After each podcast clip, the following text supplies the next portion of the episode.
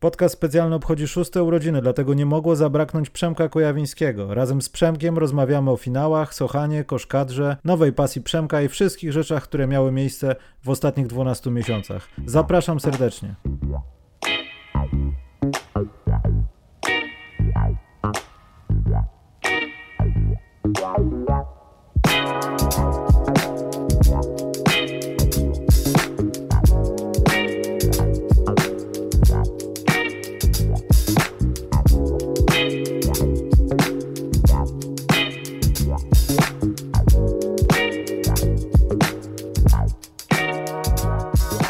Przemek, są szóste urodziny podcastu specjalnego.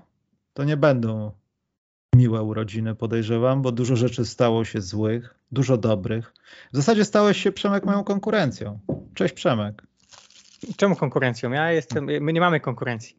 Przemek, Mieliśmy nagrać przepiękny, wieloodcinkowy podcast o historii koszykówki w ogóle samej w sobie i nagle, ile to było, bo no nie pamiętam, ale to był jakoś sierpień, to niedługo też będziecie mieli pierwsze odcinki, y, pierwsze urodziny, w ogóle tak, no jakiekolwiek no, urodziny. No my idziemy jak burza, dziewięć odcinków przez rok. No, ale liczy się jakość, a nie Liczy się jakość, zdecydowanie. Yy, tak, no ale mieliśmy nagrać odcinek, mieliśmy nagrać podcast o samych początkach koszykówki i to się jeszcze wydarzy. To się jeszcze wydarzy, bo my po samych początków koszykówki na pewno ruszać nie będziemy, bo ruszamy tylko takie rzeczy, które możemy zobaczyć. Natomiast to jest cała ta epoka przecież od Jamesa Naismitha do aż do, aż do pewnie po, połowy lat 60., gdzie, gdzie rzeczy nie ma i o tych rzeczach na pewno możemy pogadać. A ja ostatnio właśnie jestem bardzo mocno wkręcony w, e, w zbieranie książek z tamtych czasów. W sensie mam całą listę. Powinienem sobie zrobić taki wishlist na Amazonie i teraz powiedzieć, że jak ktoś chciałby mi coś kupić, to, to może. Niestety są to książki zazwyczaj, które można dostać tylko z drugiego obiegu, w sensie już nie ma nowych wydań zazwyczaj, więc to są jakieś czasem wydania z, z lat 70. Naj, naj, naj, najnowsze, więc ściągam te książki gdzieś tam. Ostatnio z Nowej Zelandii przyleciały, ale w każdym razie no, kolekcjonuję książki teraz z samych początków lat NBA, więc konkluzja jest taka, że jak je tylko przeczytam, to coś możemy nagrać na temat początków NBA e, i takich właśnie zapomnianych postaci jak Eddie Gottlieb na przykład albo, albo Joe Fulks, y, dwóch panów z Filadelfii akurat wymieniłem, e, albo wielkie, pierwsze wielkie trio zawodników z Minneapolis, jeszcze wtedy Lakers, czyli Josh Mikan, Jim Pollard i e, Vern Mikkelsen, z których mam trzy biografie, całe trójki, o dziwo, zostały napisane, z czego Verna Mikkelsena to się pochwalę szybko z autografem.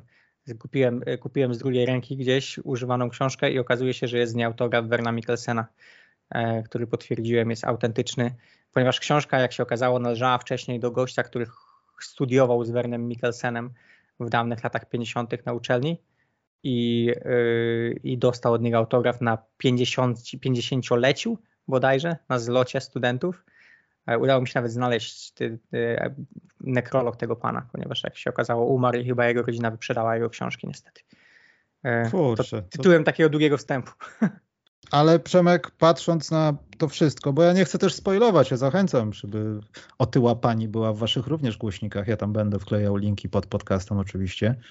E, zresztą z Piotrkiem było coś nagranego. Z Piotrkiem jest jeszcze ten podcast o Marvelu w planach, bo powstał kiedyś taki podcast po pewnym turnieju Bydgoszczy, ale nie, nadaje, nie, nie nadaje się do publikacji. No, jest jeszcze podcast, który po, powstał po, po, po, pewnym, po pewnym dniu w Barcelonie. A, też czeka na, Czeka. Kiedyś, kiedyś, jak będziemy się ubiegać o ważne stanowiska państwowe, to to wypłynie pewnie. Nie, to, a właśnie, to wypłynie, będziemy musieli płacić za to pieniądze, żeby nie no. wypłynęło. Dokładnie, dokładnie. I ten, aktorki były zresztą tam. Wszystko było. Natalii Wszystko, Portman była. Wszystko, dokładnie. Była w bieliźnie, trzeba dodać.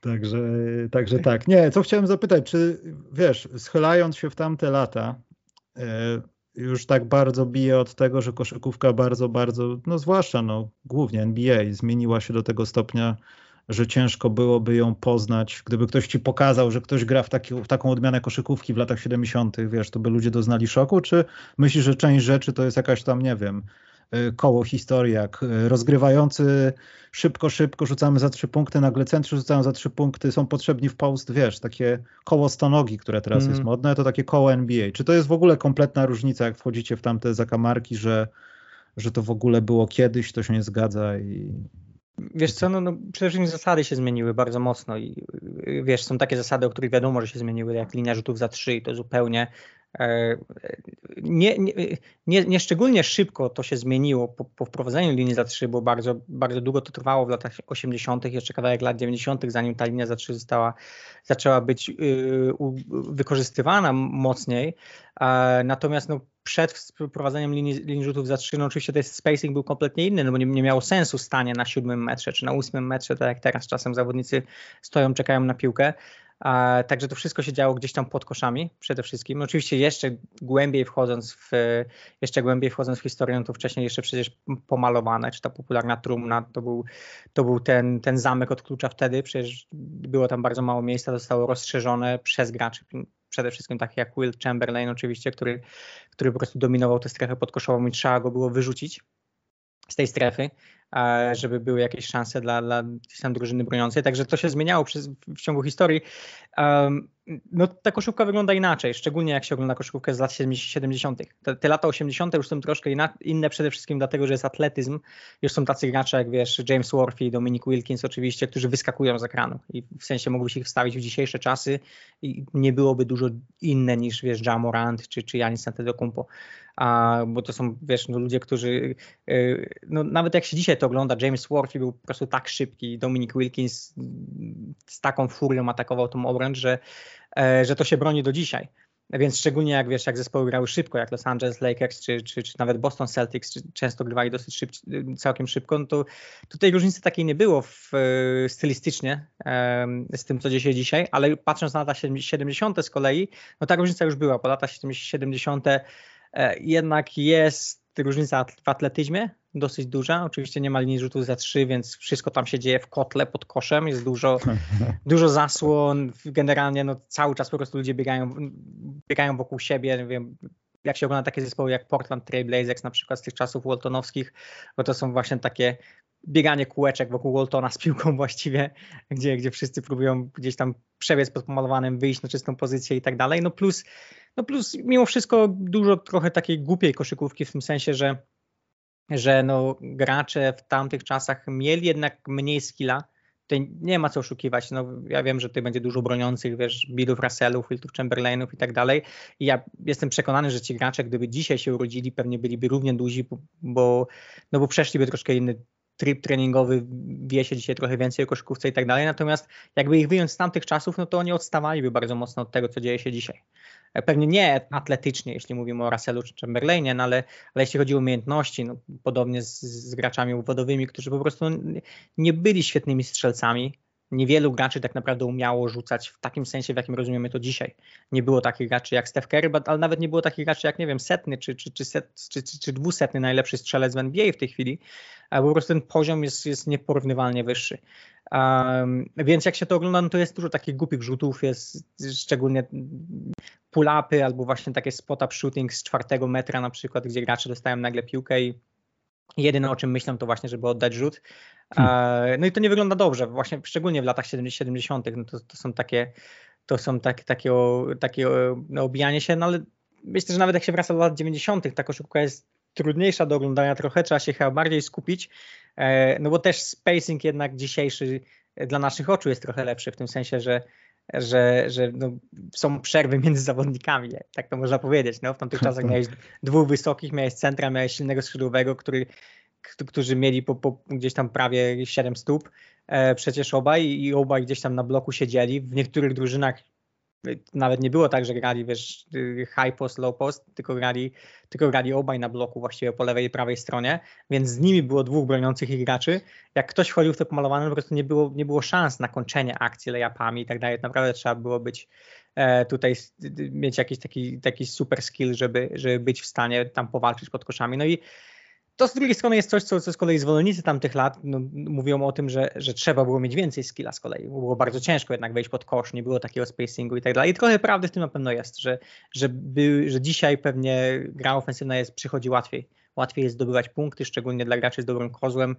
E, no tam zazwyczaj nie czekają już, nie czeka już czterech graczy pod koszem, tylko co najwyżej jeden. Um, I często nie te, tego typu postury, co, co było to w tamtych czasach. Natomiast no, myślę, że takim przełomowym czasem, momentem jest, jest to początek lat 80. i od tego początku lat 80. trochę się jakościowo zmienia i, i te mecze już wyglądają lepiej. E, ale wciąż mówimy o czołówce oczywiście, no, co my oglądamy i o czym my opowiadamy, to, jest, to są te najlepsze zespoły e, z NBA. Jak się obejrzy te zespoły gorsze, no nie wiem, na przykład zrobiliśmy podcast o, o, o Denver Nuggets z 94 i tym słynnym upsecie z Seattle Supersonics, no to był 94 rok. No jakościowo no to nie była dobra koszykówka. E, w sensie ciężkie do oglądania, nie było tam dużo świetnych graczy. Byli gracze ok, no lata 90 powiedzmy, więc jak się ogląda te najlepsze zespoły, one się bronią, te, te słabsze zespoły nie tak bardzo. Natomiast na pewno jest ciekawie. Ciekawe jest to, że się ogląda, ogląda się rzeczy e, trochę z innej perspektywy, bardziej, żeby zobaczyć, wiesz, graczy, o których się czyta, nie? Wiesz, czytamy o graczach typu, e, powiedzmy właśnie Bill Walton i, oglądasz jego mecze i nagle zaczynasz się przypatrywać i, i patrzysz tylko na niego, bo, bo, przypatrujesz się, jak ten Walton grał, o co chodziło, że on był taki dobry i tak dalej, nie? E, więc to jest trochę inne oglądanie, może z innymi emocjami, więc to jest fajne na pewno we wracaniu do tych starych lat. Ale no nie, no, jak, jak, myślę, że ktoś próbuje tutaj budować jakieś twierdzenia, że kiedyś koszykarze byli lepsi, czy kiedyś koszykówka była lepsza, to są po prostu bzdury, że tak powiem. A, wiesz, to, to już zależy kto czego tam szuka w koszykówce. No, jeśli też nie, nie wiesz, musiałbyś Przemek skłamać, że jeśli Warriors zaczęli robić to, co zaczęli robić te 6, 7, 8 lat temu, to początkowo też nie patrzyłeś na to jak jakieś takie, o, taki wybryk natury, wiesz, takie pofarbowane włosy w szkole, wiesz, ta osoba wie o tym, że to zrobiła, ale następnego dnia przyjdzie z rodzicami i to minie będą jakieś kary i tak dalej. To przejście też było takie dziwne. I myśl, myślę, że ludzie oglądający wtedy koszykówkę i ten przeskok na przykład z linią za trzy punkty czy coś, to było podobne, a potem wszyscy przywykli. Mi brakuje tylko w tym porównaniu takiej, e, tego nie osiągniemy nigdy, no chyba, że nie wiem, za 500 lat, kiedy technologia na to pozwoli, czy cofać się w czasie.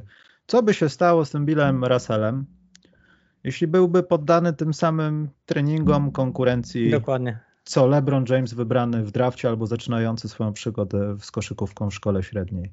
No to byłoby bo, ciekawe. Bo myślę, że jeśli chodzi o fizyczność, to byłby znacznie lepszy od LeBrona Jamesa, tylko trzeba byłoby mu pokazać i przede wszystkim zostawić go w tym układzie, w jakim był. No, to jest akurat przykład, LeBron James.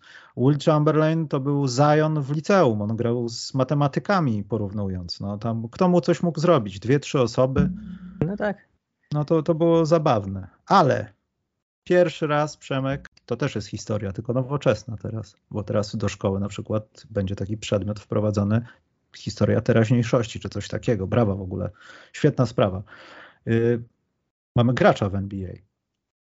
No, jeszcze no, no, już mamy, tak. No, już no mamy. mamy, no już nie, no przestańmy krakać, że będzie jakiś ACL i nie zobaczymy go w pierwszym tak, sezonie. Taki, taki pół na pół nasz, ale, ale nasz. Myślisz, że to jest dobrze, że, znaczy wiesz, y, ja chcę zostawić z boku tą dyskusję, czy nasz, czy nie nasz, bo naprawdę w Polsce nie, no Przemek no jest y, dosyć głośna dyskusja, że on jakby może nie do końca jest nasz. To jest w ogóle idiotyzm, ale tak jest. To trochę mija i to są takie zachowania, wiesz, y, dwudziestolatków to nazwijmy, albo nawet młodszych ludzi, którzy nie do końca wiedzą, co jest co. Jest co. No nieważne.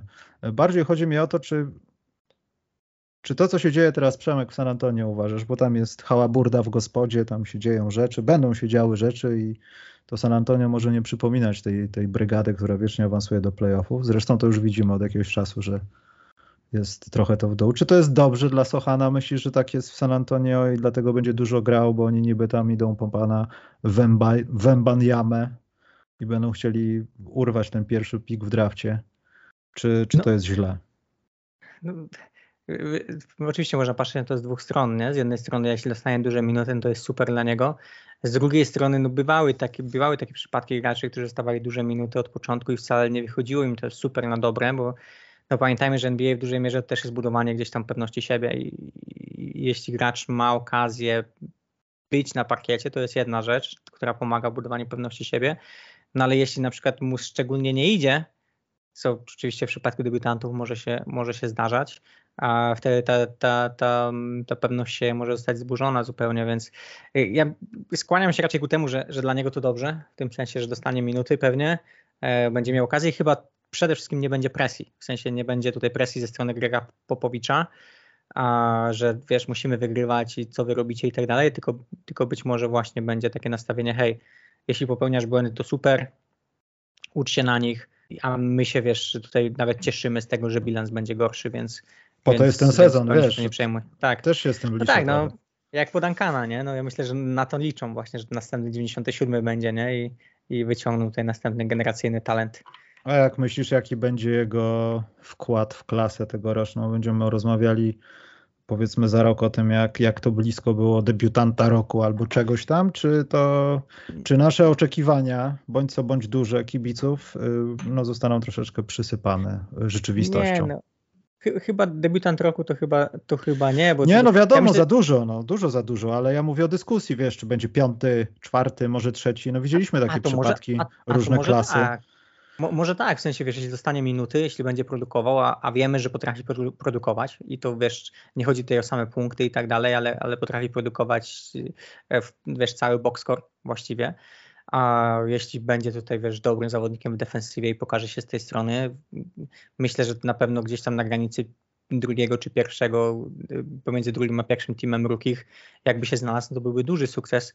E, ja myślę, że Sochan w ogóle poszedł w tym drafcie tak wysoko i to jest też znak naszych czasów, bo zespoły już rozumieją dosyć dobrze, że e, no nie mogą wybierać najlepszych graczy czy gwiazd swoich zespołów uniwersyteckich, bo, no bo to jest zazwyczaj ten największy problem dla graczy, że, że wiesz, jesteś gwiazdą podstawówce, jesteś pierwszą gwiazdą w szkole średniej, jesteś największą gwiazdą na uniwerku i potem idziesz do NBA i w NBA proszą cię, hej, nie chcemy, żebyś był największą gwiazdą, chcemy, żebyś stał w narożniku, rzucał trójki i, i bronił, chcemy, żebyś był graczem zadaniowym. Bądź normalny A... na miłość boską, bądź normalny. Tak, no, no i, i, dla, dla, wielu graczy przecież to, to, jest coś, o czym się nie mówi, że wiesz, często się mówi, że w NBA gra 450 najlepszych graczy e, na świecie. Nie jest to prawda, no bo jest pewnie dużo graczy lepszych, którzy grają poza NBA, którzy po prostu no, są lepsi niż wielu zadaniowców w NBA, natomiast nie są na tyle dobrzy, żeby być pierwszą opcją, a zadaniowcami nie, nie potrafią być po prostu.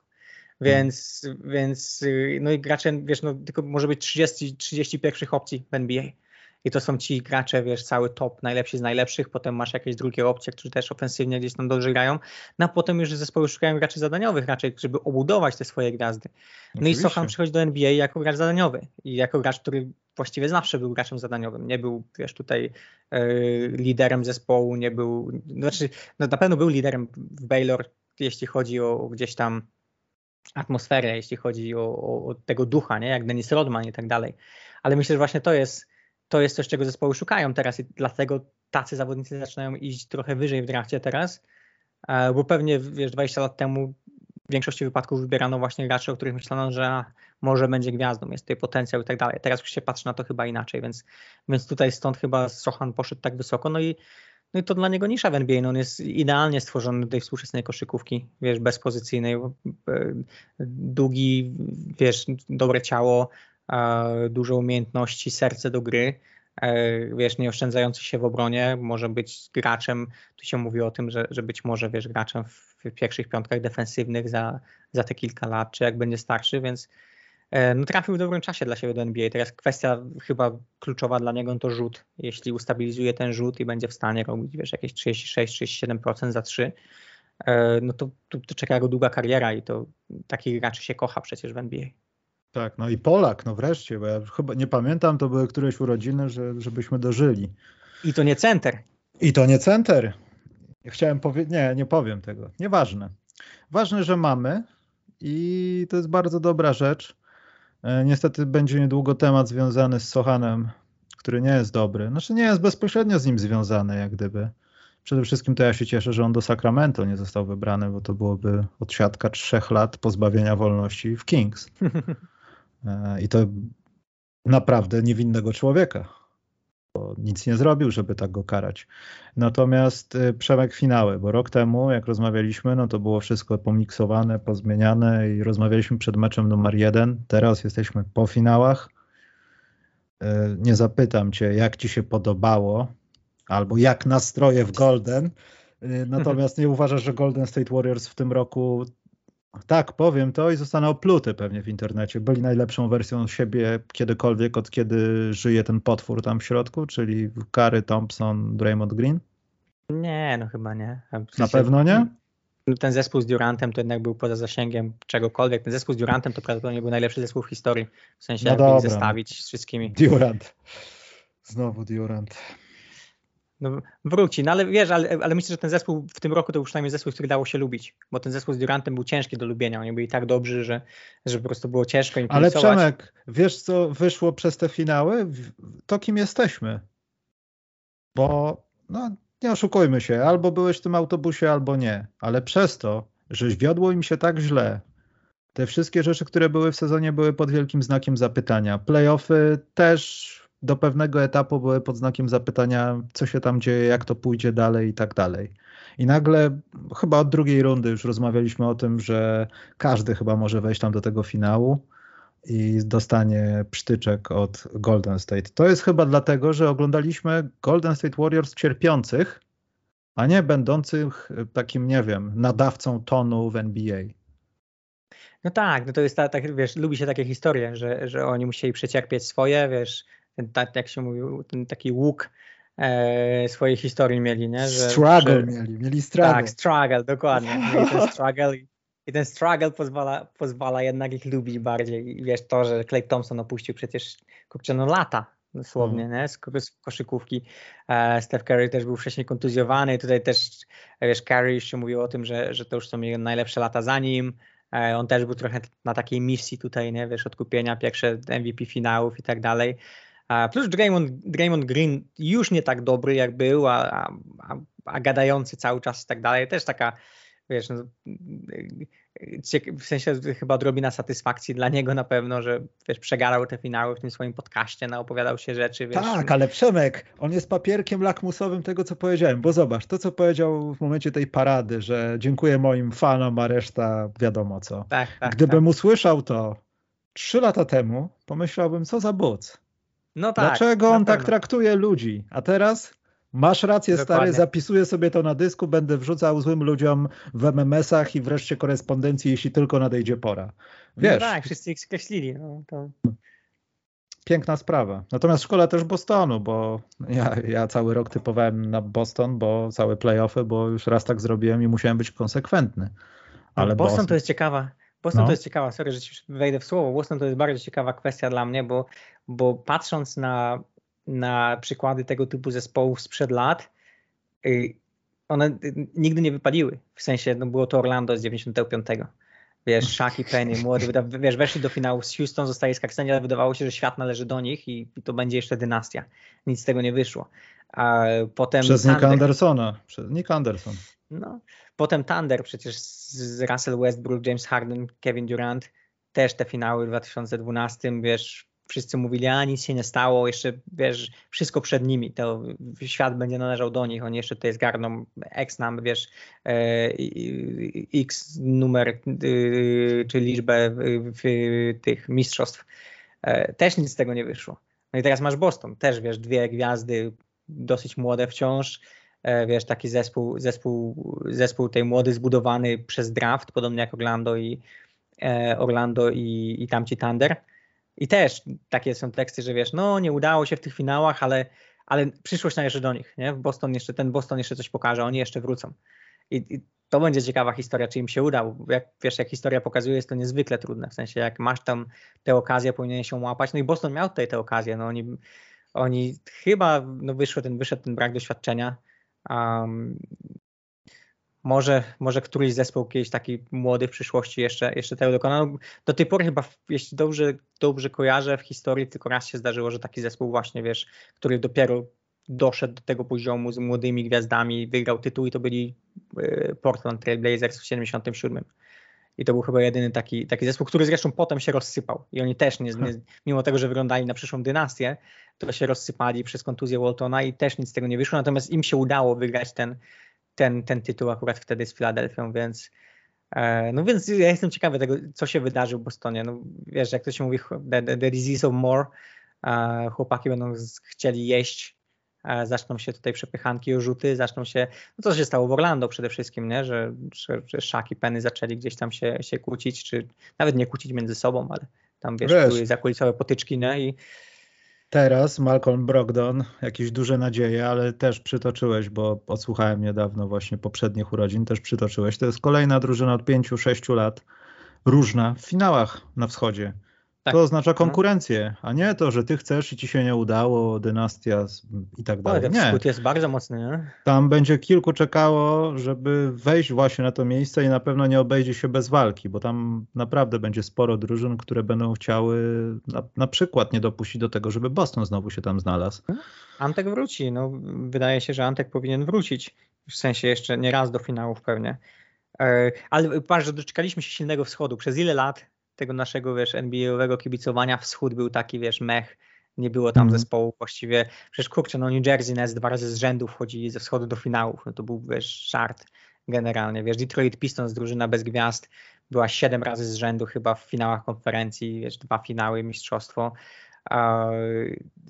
No, nigdy ten wschód nie był jakiś taki, taki silny, a teraz mamy tych zespołów tam, że no jest konkurencja, no jest Boston, jest Milwaukee, jest Philadelphia, co by nie mówić, jest Miami, I tutaj, tutaj do te zespoły w kolejnych latach ciągle będą. Chicago! O, Chicago, przepraszam. Nie, nie, co ty. Cleveland. To, ten, e, Andre Drummond ich tam zaprowadzi na plecach. To nazwisko też się pojawia dosyć często w urodzinowych podcastach, więc to jest ciekawe. E, Andre. Drummond to będzie nowy Carlos Buzer, coś czuję.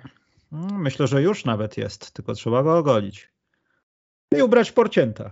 E, natomiast Przemek e, KD się przewija, bo za każdym razem też jak zaczęliśmy, to tam się działy różne rzeczy, no i praktycznie niemalże co roku jest o nim. Teraz jest jak na razie cisza, no ale zażądał transferów. To jest oczywiście wiadomo kto, nasz ulubiony Kyrie Irving związany.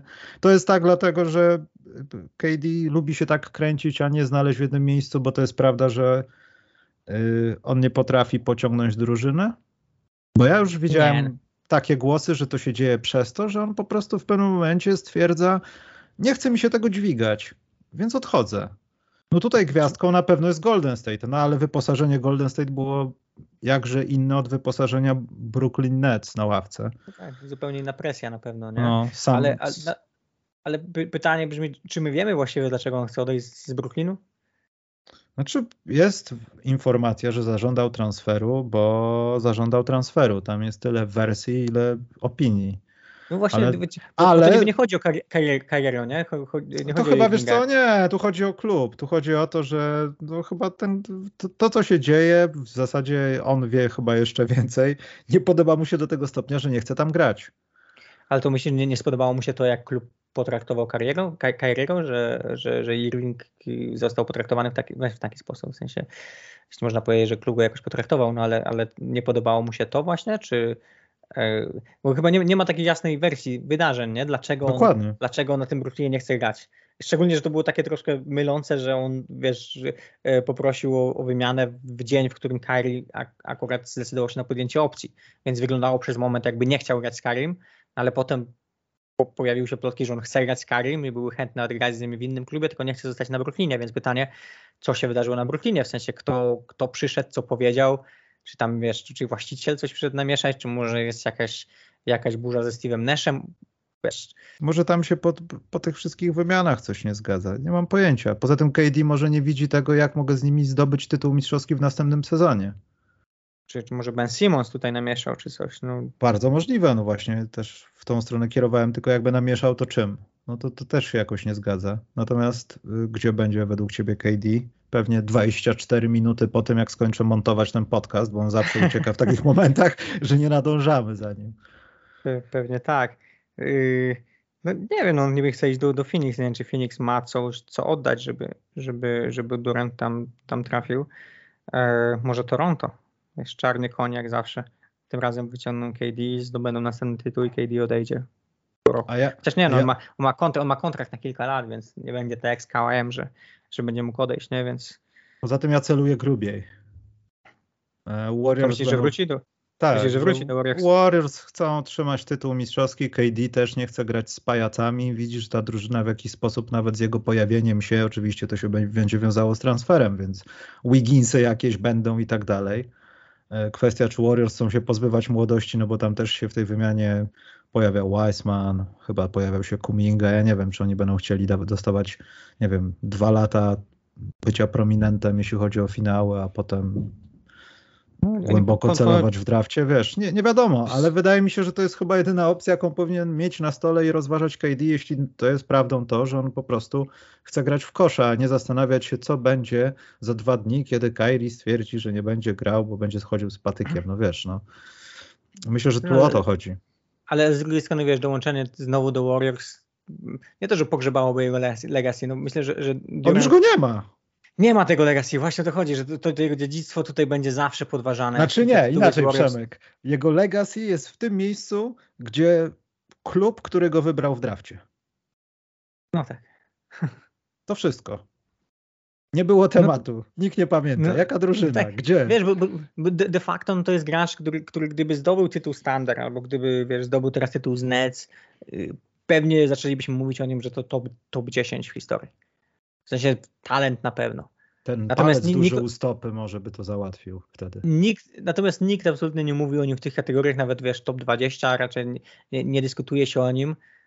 I to jest ten główny powód, no to właśnie to, że zdobył te tytuły z Warriors. Mimo tego, że no był, był jednak, wiesz, no, najlepszym zawodnikiem tego zespołu i był, mm. wiesz, liderem, jeśli chodzi o, o osiągnięcie zespołu i w tych finałach z Cleveland przecież rządził. Nie ma żadnych wątpliwości, to nie jest tak, że tutaj dostał, wiesz, na piękne oczy te MVP.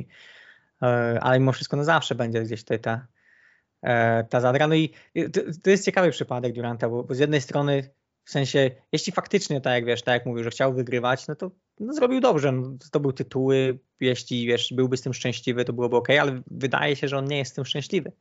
W sensie, wiesz, te, te jego wieczne boje na Twitterze i tak dalej, e, wiesz, on twierdzi, że on po prostu tutaj chilluje i odpowiada ludziom i tak dalej, ale mhm. ja mam wrażenie, że, że, że Durant akurat nie ma tego, wiesz, chill button, nie, nie, nie, nie wie co to chill i, i, i przejmuje się jednak tymi wszystkimi rzeczami, no bo po co byś to robił, w sensie, może się mylę, no nie wiem, nie wydaje mi się, żeby ktoś, ktoś wiesz, bo to nie jest też tak, że Durant troluje, czy wiesz, czy robi sobie żarty z ludzi i tak dalej. On, on zupełnie poważnie prowadzi te, te, rozmowy na temat dziedzictwa, czy te rozmowy na temat, wiesz, tego, co zrobił, co zrobili inni gracze z jakimiś anonimowymi, wiesz, userami na Twitterze. E, no ciężko mi sobie wyobrazić, że ktoś mógłby to robić bez żadnego, wiesz, bez żadnej inwestycji emocjonalnej, w sensie A... takim, że nie przejmujesz się w ogóle, ale będziesz robił takie rzeczy. W sensie no nie masz czasu na to chyba, jeśli się nie przejmujesz w ogóle. Więc ale wiesz co, ja nie chcę płynąć za daleko, ale to też nie jest taka cecha, że to jest na pewno jakieś wrażenie. No nie, nie znamy się, nie mamy wglądu we własne osobiste życie i tak dalej, dlaczego tak jest i tak dalej. Natomiast no, Kevin Durant od, może nie początku, ale od jakiegoś czasu, a jak zdobył tytuł, to, to się pogłębiło, przypomina po prostu pustelnika. Może to jest dlatego, że on po prostu jest jednoosobowym Kevinem Durantem, który nikogo nie potrzebuje. Ja nie mówię, że w ten zły sposób, nie? Ale przypomina trochę takiego nomada, wiesz, taką osobę, która w zasadzie nikogo nie potrzebuje. Jeśli ktoś jest obok, jest ok, ale to on będzie jakoś tam decydował o tym, czy chce w tym być, czy nie.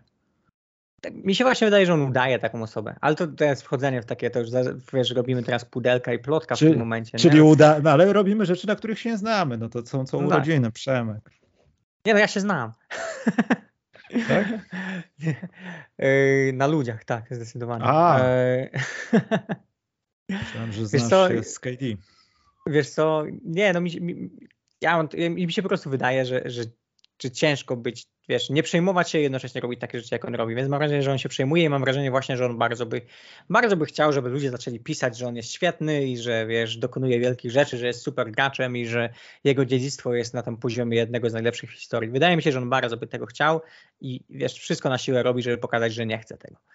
E, ja mam takie wrażenie przynajmniej, może, może się mylę, a wiesz, z tego, co go znam, z tego, co pisze na Twitterze. Tyle proszę, mogę znać. Jeśli nas słuchasz, wypowiedz się, jeśli nas słuchasz, wypowiedz się na ten temat. To się A wypowiedz, B nie przechodź przynajmniej gdzieś przez kilkanaście godzin, żeby mógł to zmontować, a potem rób co chcesz. Albo e, bardziej ktoś, kto zna KD, może niech się wypowie. Może mamy tu jakichś przyjaciół Kevina, którzy, którzy nas słuchają akurat. On może nie ma przyjaciół powiedzieć. i dlatego tak jest. To no też się zalicza do Nie, no, Michael Beasley, Michael Beasley jest ponoć jego przyjacielem. Więc... No, super kumpel. Mamy przytaczać historię a nieważne. On może nie wiedzieć po prostu, że on go słucha, on zasnął na kanapie. To się nie liczy. Przemek, to się nie liczy. Dobrze. Czas teraz, Przemek, na smutne rzeczy. Wychodzimy Oj. ze strefy NBA i przyglądamy się całemu okresowi, od kiedy nas nie było do teraz, dotyczącemu polskiej koszykówki. Wydarzyło się dużo rzeczy, Przemek. Wydarzyła się przede wszystkim awantura z Mateuszem Ponitką i z tą sławną, no po prostu dla mnie legendarną wręcz konferencją prasową z naszym ukochanym prezesem Piesiewiczem. Naprawdę... Czy, czy, ty może, czy, ty może, byłeś na tej konferencji prasowej? Nie byłem, nie byłem. Żałuję bardzo, aczkolwiek no myślę, że to zakończyłoby się jakimś nieprzyjemnym zdarzeniem, bo miałem takie jedno pytanie, ale, ale mnie to przestało interesować. Myślisz w ogóle, to jest dobrze, Przemek, że dzieją się takie rzeczy w polskiej koszykówce? Jak co, jak ta konferencja prasowa? Tak, czy to jest dobrze, uważasz? A, ja, ja się bardzo zawiodłem się trochę na, na Mateuszu Ponice. Miałem wrażenie, że, że jednak jest trochę bardziej ponad tym. Wiesz, nie to, że wiesz, ktoś nie ma prawa emocjonalnie reagować na to, że ktoś go jedzie w internecie, wiesz, każdy ma swoje granice i tak dalej. Jest osobą publiczną, no, stał się zawodowym sportowcem i bierze to z bogactwem inwentarza ale nawet nie o to chodzi, bardziej, bardziej wiesz, bardziej, bardziej na takiej zasadzie, że miałem wrażenie, że on jest bardziej taki, wiesz, stoikiem, na zasadzie takiej, że wiesz, co gadają w social media, to gadają, a ja w ogóle nie będę tego komentował i myślę, że to naj, najlepsze podejście zazwyczaj, jakie można mieć, więc byłem super zaskoczony, wiesz, że przyniósł na kartce, na, na kartce napisane napisane jakiś tam tweet i Marcina Gortata i, i wiesz, zaczął, zaczął odpowiadać na, na to wszystko, bo, bo w sensie po co, w sensie wiesz, nie wiem, czy, czy on tego chciał, czy został wystawiony w taki sposób tutaj przez wiesz, pana prezesa i tak dalej. Ciężko mi powiedzieć, natomiast no, nie chcesz oglądać takich rzeczy generalnie, a szczególnie wiesz, kapitana kadry i od gracza, który, który generalnie chyba jest wiesz, najważniejszym zawodnikiem dla nas, tutaj generalnie reprezentacyjnym i, e, i e, wiesz, no cała ta sytuacja z Rosją i tak dalej, ja tym mam dużo empatii wobec niego, myślę, że on się znalazł w bardzo trudnym, trudnym położeniu. E, łatwo jest wszystkim mówić, jakby się zachowali w takiej sytuacji. E, pewnie nie jest to aż tak łatwe, jak się wszystkim wydaje, jeśli musisz być taki, jeśli jesteś w takiej sytuacji, żeby zareagować, żeby, żeby wiesz, żeby, żeby zrobić rzeczy, których oczekuje od ciebie cały, cały naród.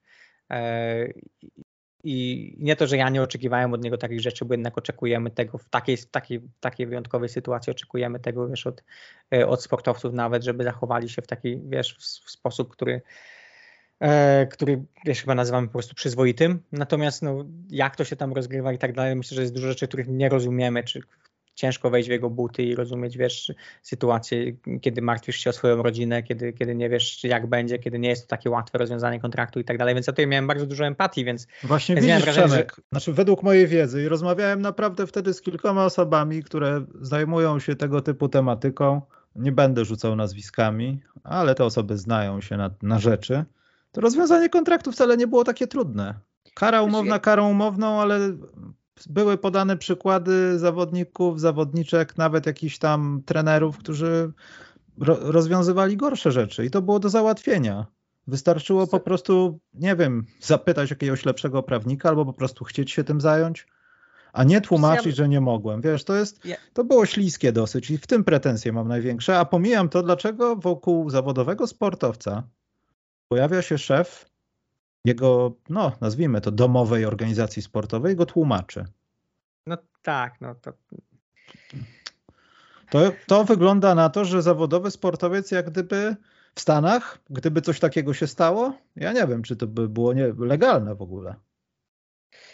No, to, to pomijam, te, znaczy nawet nie, nie pomijam tego tematu, to chyba to jest jasne dla wszystkich, że to wyglądało po prostu dziwnie, nie? że wiesz, przychodzisz, ty koło ciebie jest, jest prezes i, i ten prezes postanowił ciebie wytłumaczyć, w sensie po co?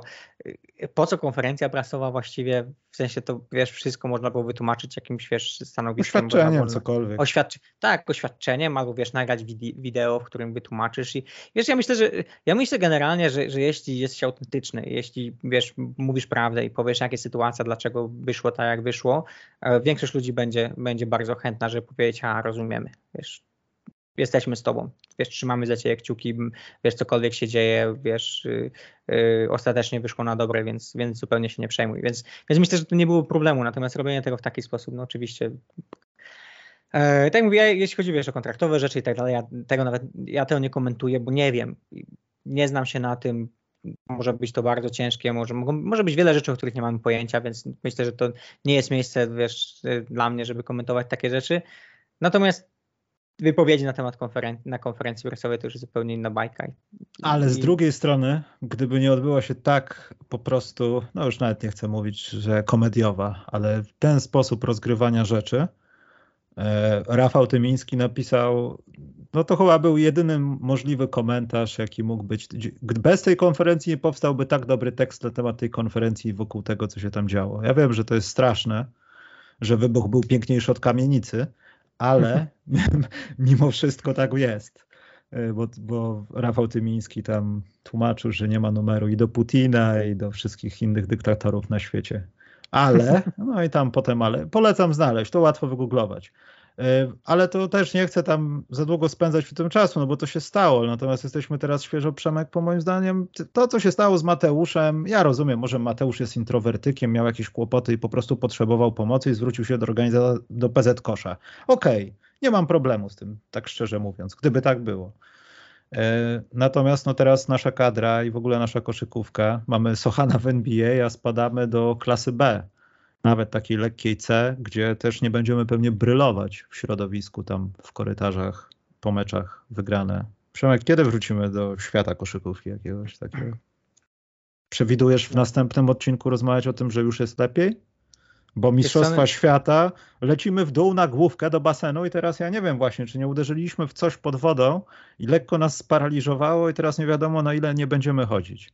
Wiesz co, ja, ja myślę, że przede wszystkim jedna rzecz, którą o której trzeba zacząć, to to, że, że ten sukces na Mistrzostwach Świata, e, no to był jednak outlier, w tym sensie, że, że, że, że dużo ja nie powinienem mówić takich rzeczy, bo to Dokładnie tak. wiadomo, że, że zespół grał fantastycznie, wiesz, te mecze z Chinami, z Rosją, wiesz, tylko że to był ponad stan mimo wszystko. I teraz ocenianie tej kadry przez ten, przez, ten, przez, przez te Mistrzostwa Świata i, i mówienie, że o, to jest taki wielki spadek, ponieważ byliśmy w ósemce na Mistrzostw Świata, no nie jesteśmy jeden z najlepszych ośmiu zespołów na świecie. Wtedy też nie byliśmy jednym z ośmiu najlepszych zespołów na świecie. I to żaden, myślę, że to nie jest, wiesz, tutaj kontrowersyjne, że nie byliśmy wtedy też jednym z ośmiu najlepszych zespołów na świecie. Natomiast no, udało się zdobyć ten sukces i to było coś wielkiego, wiesz, kurczę, no, no super, że, że coś takiego się wydarzyło. E, no i zjazd na, na, na główkę się zaczął chyba od sytuacji z Adamem Waczyńskim. No i wiesz, to był skok, to był moment skoku. Tak, no, no to, to, zderzenie się z, z, jakąś taką ścianą. Ja nie, nie potrafiłem tego zrozumieć, w sensie jak to jest w ogóle możliwe, że, że, yy, że wiesz, jednego z dwóch najlepszych graczy w kadrze pozbywa się w taki sposób, tak, wiesz, y, cokolwiek by tam się wydarzyło, bo znów, no nie wiemy, co się działo między nimi i tak dalej. Y, ja generalnie, wiesz, obserwując to z boku, te oświadczenia tutaj Adama Waczyńskiego i tak dalej, no brzmiały raczej autentycznie, to brzmiały, brzmiały jak coś, co miało sens, więc E, a z kolei wiesz, wszelkie rzeczy, które działy się ze strony PZ Kosz y, z kolei były takie zawoalowane, raczej tajemnicze, więc, więc zazwyczaj w takich sytuacjach łatwiej jest tutaj ufać komuś, kto, kto dosyć otwarcie mówi o rzeczach, tak jak Adam Waczyński, więc, e, więc ale mimo wszystko, cokolwiek by tam się stało, no chyba jeśli związek koszykówki, czy, czy wiesz, ludzie tam, działacze mają mieć jakąkolwiek funkcję, która, która de facto ma oddziaływać w jakiś sposób na, na zespół, no to to jest jedna z większych rzeczy tam. Wiesz, zapewnienie, żeby w kadrze grali albo chcieli grać przynajmniej najlepsi gracze, jacy są i zapewnienie, że, że tego typu rzeczy się nie dzieją albo są załatwiane, wiesz, w pokojowy sposób i tak dalej. Natomiast to zostało rozdmuchane do, do, do stanu, który no, żenującego, no, nie wiem, nie, nie, nie, lubię używać takich słów, ale, ale no było to żenujące w tym sensie, że, że, że no, to był jednak kapitan kadry, człowiek zasłużony dla, dla tego zespołu, dla, wiesz, dla polskiej koszykówki generalnie, wciąż jeden z najlepszych graczy, jakich mamy e, i załatwienie tego w ten sposób no, po prostu było zupełnie na miejscu, no i to był taki zjazd w dół jednak od tego czasu, nie, no bo, e, no bo oczywiście nagle, wiesz, zmiana trenera e, i to też chyba taka trochę że tak powiem, z pupy, w tym sensie, że, że, yy, że dosyć nagła. Yy, mimo tego, że wydawało się, że, że Mike Taylor zostanie, to, to nagle Mike Taylor został zwolniony. Yy, czy to był dobry moment? Że się będziemy oceniać pewnie po latach, nie, nie teraz. Nie jest coś, co, co, co jesteśmy w stanie do końca, do końca ocenić. Natomiast E, natomiast od tego czasu wszystko się trochę posypało. Nie? No i teraz też, czy można wymagać od nowego trenera, że z miejsca wszystko będzie działało? Zazwyczaj nie działa. W sensie zazwyczaj wiesz, zespoły zajmuje czas zbudowanie tych zespołów. I... No i ta specyfika jeszcze, że nawet sobie możesz tam chcieć sloterów innych balcerowskich, ale nagle będzie takie okienko, że ich nie będziesz miał. No tak, będziesz no, no musiał tak. zaszywać jakimiś graczami, którzy też nie do końca są gotowi, żeby wchodzić w pierwszej piątce, byli nie gotowi do końca, żeby dostawać po 10 minut w wygranych meczach i musisz nimi grać. I Ale to już jest? No- wiesz, ruska ruletka. No, czy tam akurat jest pocisk? Strzelasz, nie ma. I wpuszczasz co, następnego. To chyba, to chyba właśnie wyszło w, wiesz, w tych meczach z Estonią i tak dalej, że, że my nie mamy takiego potencjału, żeby mieć wiesz, 20 graczy gotowych do gry na takim najwyższym poziomie, e, więc musielibyśmy nadrabiać systemem, czy musielibyśmy nadrabiać tym wiesz, zgraniem i, i bo to, wiadomo, no w koszykówce wiesz, zespoły, które, które są teoretycznie gorsze na papierze są w stanie wygrywać, jeśli, jeśli wiesz, gdzieś tam jest synergia między graczami i tak dalej, natomiast na to chyba nie było czasu i nie wiem, nie wiem, czy tutaj można tak dużo mieć pretensji do, do Igora Milczicza, że, że, że, że, że te mecze zostały przegrane, bo, bo jednak masz tylko chwilę. Nie, nie zbudujesz tego zespołu wiesz, w, ciągu, w ciągu tygodnia, czy w ciągu dwóch, czy, czy to trwa czasem latami, zanim, zanim się uda wiesz, wyklarować tą, tą grupę zawodników, zgrać ich ze sobą i, i, i grać wiesz, nowym systemem, czy w zupełnie nowy sposób, więc, e, więc taki no, nie fart też, chyba, trochę ciężka sytuacja. Pewnie jakby było trochę więcej szczęścia, to, to byśmy w ogóle o tym nie mówili, bo by się okazało, że, e, że jednak wyszlibyśmy z tej grupy, natomiast natomiast co, no trzeba patrzeć w przyszłości i myśleć o tym, że... Ale powiedzmy, że po walce, no, Schroeder zaczął nas dusić pod koniec dopiero, a nie to, że tam byliśmy znacząco gorsi. No. nie, To no, wyglądało fatalnie, owszem, ale zwłaszcza w końcówce jakieś głupie straty, głupie jakieś rzeczy, ale to też nie za wiele można zarzucić zawodnikom, bo no, tak jest, no, sport. Wiesz co, no niewątpliwie mamy, ma, mamy chyba graczy, którzy są oddani kadrze, którzy, którzy jadą na tą kadrę z przyjemnością. To nie, nie wynika to z tego tutaj, że, że, że, że, wiesz, że graczom się nie chce, czy że ktoś olewa i tak dalej. E, Poza tym mamy masę dobrych rzeczy. No na przykład, nie wiem, ja mam w głowie taki miks, kiedy Ponitka ma piłkę, mija pierwszego zawodnika nawet po piku, nie od tej osoby, o której powiem, albo nawet powiem i Balcerowski wchodzi do środka i, i ładuje z góry alejub. DeAndre Ayton robił tak przez połowę sezonu Phoenix i to było świetne. To Mhm. tutaj są jakieś rozwiązania, no tylko, że teraz wiesz jak będzie. Ten nie będzie mógł, tamten nie będzie mógł, a ta Norwegia nagle taka się silna zrobiła, albo inna Macedonia. I to będą naprawdę brzydkie mecze, jak kiedyś Polska grała z Bułgarią, czy z kimś takim. To naprawdę będzie dla koneserów koszykówki i nie zawsze musi być wygrana po naszej stronie, mimo że oni są pozornie słabsi od nas, no co tu dużo mówić też składowo. Myślę, że są to słabsze drużyny. I to jest chyba kłopot też. No ale ja liczę, że za rok będziemy rozmawiali o tym, że, że, ten, że to była pomyłka i że wszystko jest dobrze. Chciałbym. no, może się wygrzebiemy z tego też. Jest czasem kwestia szczęścia, wiesz. Na koniec, Przemek, to co się z, z, zmieniło w Twoim życiu w ostatnim roku. W czym jesteś teraz dobry jako ojciec? Ech, Bo przypomnę, w zeszłym roku już, już byłeś na etapie niewyczuwania smrodu z pieluch. To co teraz jest Przemek nowego po kolejnym roku? Da, dalej nie czuję. Dalej nie? Dalej nie? Tylko, tylko, tylko pieluchy są pełniejsze i więcej się U. tam dzieje teraz, więc. Yy, Na jakim ja etapie jestem? Wiesz co? Jesteśmy na etapie uczenia się słów i mówienia. Może kiedyś opowiem, jakie to są doświadczenia przy okazji jakiegoś innego podcastu o tym, jak się, jak się żyje z dzieckiem, który mówi i słucha w czterech językach i wybiera sobie słowa, które lubi. O, to jest Wybierze ciekawe. to słowo z innego języka, wybierze to słowo. Co jest ciekawe, co jest ciekawe najwięcej słów, najwięcej słów e, jednak bierze z angielskiego. Angielski chyba jest najprostszy dla dzieci generalnie, bo, bo większość słów, które używa, e, to są słowa angielskie. Mimo tego, że rozumie w czterech językach właściwie, właściwie, właściwie większość albo prawie wszystko, e, to wybiera sobie słowa najczęściej z języka angielskiego, kiedy mówi. Więc ciekawe, jak to, jak to będzie e, idąc dalej. To jedna z takich fascynujących rzeczy tutaj, akurat w, Mm. moim, e, w moim zaciszu domowym. No bo o książkę nie Eee. pytam, bo nie jesteś dalej twórcą zapaszką i kaszkietem trzymającym fajkę Nie na krakowskich błoniach. Nie jestem, mam, mam, chciałbym, chciałbym, wiesz, jak będę miał trochę więcej czasu, chciałbym wrócić do pisania. E, najpierw chyba do pisania o NBA. Jak już mówiłem, zbieram teraz książki o początkach NBA i tak sobie powoli myślę, że może o tym coś napiszę, wiesz, o takich zapomnianych graczach e, właśnie z tamtych czasów, czy postaciach, wiesz, fascynujące postacie. Właśnie teraz czytam książkę, właśnie biografię Ediego Gottlieba, zwanego Mogulem.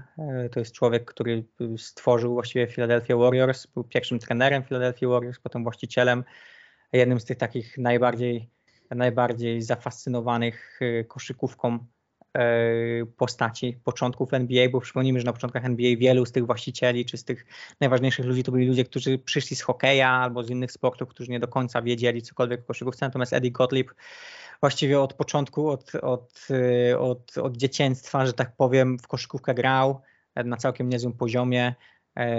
Potem był, był tutaj siłą na pewno napędową słynnego żydowskiego zespołu z Filadelfii, SPHS, który tutaj no, o dominację w latach 20. i 30. walczył właśnie z oryginalnymi Celtics e, e, na przykład, więc, e, więc no, taka super fascynująca postać właśnie. Człowiek, który też wydraftował przecież Wilta Chamberlaina prosto ze szkoły średniej i tak dalej, więc, mm.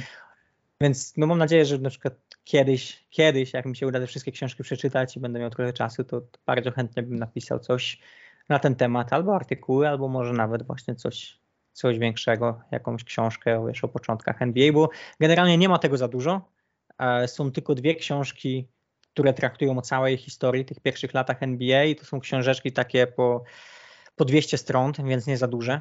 E, więc tam jest duża, dosyć duża nisza, natomiast jest dużo, dużo książek specyficznych, o jakichś specyficznych rzeczach, na przykład tylko Syracuse Nationals, albo biografii właśnie tylko poszczególnych graczy, albo, albo wręcz dużo materiałów w książkach na temat zespołów z tamtych czasów, albo książkach, biografiach dziennikarzy, którzy wtedy podróżowali z zespołami NBA i tak dalej, więc myślę, że jest dużo rzeczy do wyciągnięcia stamtąd, które w tych, w tych cieniutkich historiach NBA, początków NBA się akurat nie znalazły, więc, e, więc kto wie, nie jest to plan na dzisiaj, ale, ale jak, jak, jak mi się uda znowu zacząć wstawać o 6 rano i, i znaleźć trochę czasu na robienie takich rzeczy, to może mi się uda. A póki co zajmuje mnie bardziej gruba lady i, i gdzieś tam zagłębianie się w historiach wiesz, z, tam, z dawnych lat, bo tam jest po prostu dużo takich rzeczy, które zostały zupełnie zapomniane, które czasem, czasem jak, jak wiesz, jak się o nich dowiadujesz, to po prostu yy, jest też śmieszne, nie? Wiesz, rzeczy typu e, Cleveland Cavaliers, którzy zaoferowali 60 wyborów w drafcie za Karim Abdul-Jabara Los Angeles Lakers. Lakers oczywiście odmówili. Słynny Ted Stapien oczywiście, o, kolejny temat i tak dalej, więc... Przecież to jest więc... człowiek, który naprawdę jest legendą, jeśli chodzi o wybieranie w drafcie, no. Więc, więc tego typu historie są, są fascynujące i o nich, o nich właściwie nikt już dzisiaj nie pamięta i to jest, to jest czasem zupełnie zaskakujące, kiedy nagle e, na przykład zdradzę kolejny odcinek, który jeszcze nie wyszedł, nagraliśmy już o Washington Bullets z, z 78 i finałach ze Seattle Supersonics. To jest taka zapomniana rywalizacja w ogóle, bo te zespoły zagrały w finałach w 78 i w 79 przeciwko sobie. Um, taka rywalizacja przed czasami, to były ostatnie finały przed dojściem Magica i Larego Berda, więc tej zmianie w NBA. Um, taka ciemna, ciemna epoka. W tamtych czasach w ogóle chyba puszczano jeden, jeden mecz w sezonie w NBA w, e, w, w, w tym w, w, tym ogólnym paśmie dla wszystkich ludzi w Stanach, więc to w ogóle taka epoka, których nikt nie oglądał właściwie. Hmm. Um, I na przykład fascynująca historia, mecz numer 7 78 roku w finałach. E, jest relacja na CBS, oczywiście z odtworzenia puszczana dla, dla ludzi. Natomiast w tej relacji na sam koniec e, Brett Muserberg y, opowiada o tym, że Bob Dandridge został MVP finałów, po czym, e, po czym Rick Barry E, który, który właśnie tutaj po, po zakończeniu kariery był właśnie, jeszcze nawet w czasie swojej kariery był non-stop w CBS, jako robił wywiady i tak dalej. E, w takiej rozpiętej koszuli do pępka właściwie często przeprowadzał wywiad z Dandridge'em, gratulował mu wyboru MVP finałów. Natomiast dzisiaj wiemy, że MVP finałów tamtych został Wes Anseld. I, I do dzisiaj nikt nie wie i ciężko znaleźć informację, jak to się stało, że Wes Anseld jest oficjalnie MVP finałów, mimo tego, że oficjalnie w czasie relacji dano to MVP Bobowi Dandridge'owi, a kilka dni później decyzję zmieniono. Nie do końca wiadomo dlaczego. Sports Illustrated napisał tylko, że przez sentyment do Wes Anselda, która przypomnijmy był siódmym strzelcem tych finałów, nie miał jakichś wiesz, szczególnie świetnych występów, ani, ani świetnych statystyk. Elvin Hayes, Bob Dandridge mieli dużo lepsze finały tam, natomiast natomiast jakimś cudem Wes Anseld został MVP tych finałów e, kilka dni po nich. E, albo jeszcze jedna historia, na przykład, która mnie zupełnie zafascynowała, to Cedric Maxwell z kolei MVP finału 81 roku z Bostonu. Jedyny MVP w historii, który nigdy nie był w meczu gwiazd, nigdy nie był w pierwszych piątkach NBA, czyli zupełnie trochę powiedzmy z przypadku. Natomiast no, ma historię tutaj świetnych występów w playoffach. Natomiast Cedric Maxwell do dzisiaj nie może przeżyć tego, że, że dostał jako nagrodę za MVP finałów, dostał zegarek. I to zegarek Seiko. Co jest super śmieszne, bo za każdym razem, kiedy był przyznawany MVP finałów, nagrodą był samochód. Z wyjątkiem 81 roku, kiedy Cedric Maxwell dostał zegarek, no pojechał na odebranie, bo to odbierało się wtedy nagrodę kilka dni po finałach. Został zaproszony do hotelu na oficjalne odebranie nagrody. On był przekonany, że dostanie samochód, natomiast wręczono mu zegarek. Jak się okazało, w tym, w tym jedynym roku NBA nie miało sponsorów i, i nagrodą był zegarek Seiko który Cedric Maxwell ponoć ma do dzisiaj, więc, więc takie historie mnie teraz fascynują właśnie, których się zupełnie nie pamięta i które właśnie wyciągamy. Więc jak mogę zareklamować, raz jeszcze zapraszamy e, do słuchania. Nie jest to często, więc jak znajdziecie godzinę, półtorej godziny raz na miesiąc, czasem raz na dwa niestety, to, to zapraszamy. E, może akurat gadamy o waszym ulubionym zespole. I może w końcu jesteście na wszystkich streamingach, bo jesteście w końcu. Jesteśmy w końcu, tak, jesteśmy chyba na wszystkich. No tak wcześniej, tak oj Przemek, skargi w ogóle, że ja też miałem, to niedobrze uczę było. Się, tak? Uczę się, uczę się dopiero. A uczę teraz bardzo ładnie jest. I wzywam do serii o Polakach w NBA, Lik Norek. Ja prawie A? napisałem książkę, tylko chciałem się spotkać z rodziną, ale niestety ciężko ją namierzyć, więc wpadłem na pomysł, że pojechałbym do tego samego kościoła, bo znalazłem dane dotyczące pogrzebów rodziny że pojechałbym mhm. do tego samego kościoła w Polsce, bo tam były takie dane parafialne i po prostu zapytał się księdza, czy może mi, nie wiem, udostępnić dane, bo to jest jedyny sposób. Bo mało tego, on się nie nazywał Knorek, tylko Knurek, jak się okazało. Bo zmienili tylko nazwisko chyba ojca czy matki po, po wylądowaniu już w USA ze statku żeby łatwiej, bo tam znalazłem nawet, yy, Boże, jakiś spis powszechny, gdzie jest cała rodzina rozpisana. Tylko, że no służba wiesz. wojskowa w amerykańska trochę go oddala od bycia Polakiem, no bo walczył niby na wojnie, siedział na jakimś lotniskowcu przez pół roku. Vince jeszcze jest też dobry. No, Vince tak. No i później przecież Kelly Tripuka na przykład, słynny ten. Zresztą nie tylko Kelly Tripuka, Christian Leitner ma, ma korzenie polskie, Bobby Harley, Mitch Kapczak, no trochę tych graczy było takich z korzeniami. No, wymieniłeś najlepszego, legendarnego Erika Piatkowskiego. Erik Piatkowski, no tak. Frank, Frank Brickowski też nie miał? Tak, tak, oczywiście. Mike Peplowski też być może. Mike Peplowski uratował życie w ogóle Bobiego Harley'a, wyciągnął go z samochodu po, po tym wypadku. O tym mm. będziemy rozmawiać też przy okazji któregoś następnego odcinka, także zapraszam. Dobrze, Przemek, to były już sekcje reklamowe, było smutno, wesoło to, co się wydarzyło w ostatnim roku, praktycznie wszystkie najmniej istotne rzeczy omówiliśmy, więc pozostaje tego kończyć. Przemek, dziękuję Ci bardzo i mam nadzieję, że nie dziękuję. do usłyszenia za rok czy coś. Może się udać coś wcześniej. Dzięki Przemek za dzisiaj, trzymaj się.